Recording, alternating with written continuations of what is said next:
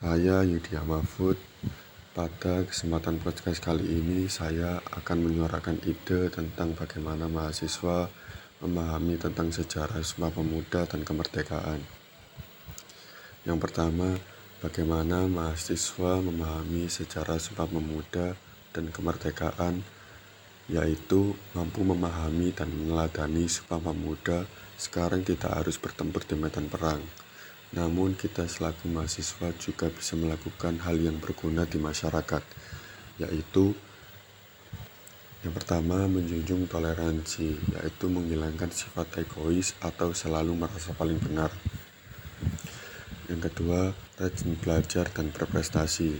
Dengan kita rajin belajar dan berprestasi, tapi berprestasi tidak harus di akademik. Kita juga bisa berprestasi secara non-akademik selama itu positif. Yang ketiga, junjung tinggi bahasa Indonesia.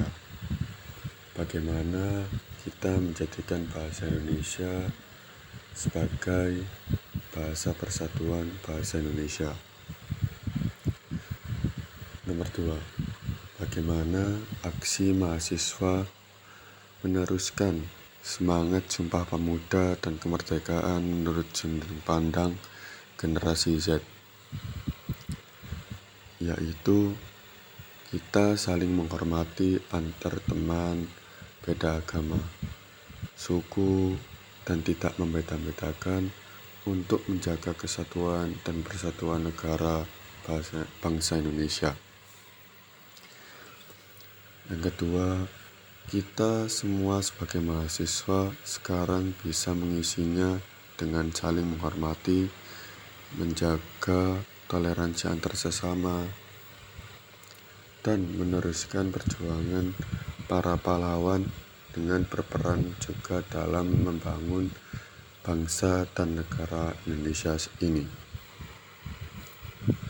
Nomor tiga, reaksi kita selaku mahasiswa dalam aksi unjuk rasa yang bertepatan dengan peringatan Hari Sumpah Pemuda adalah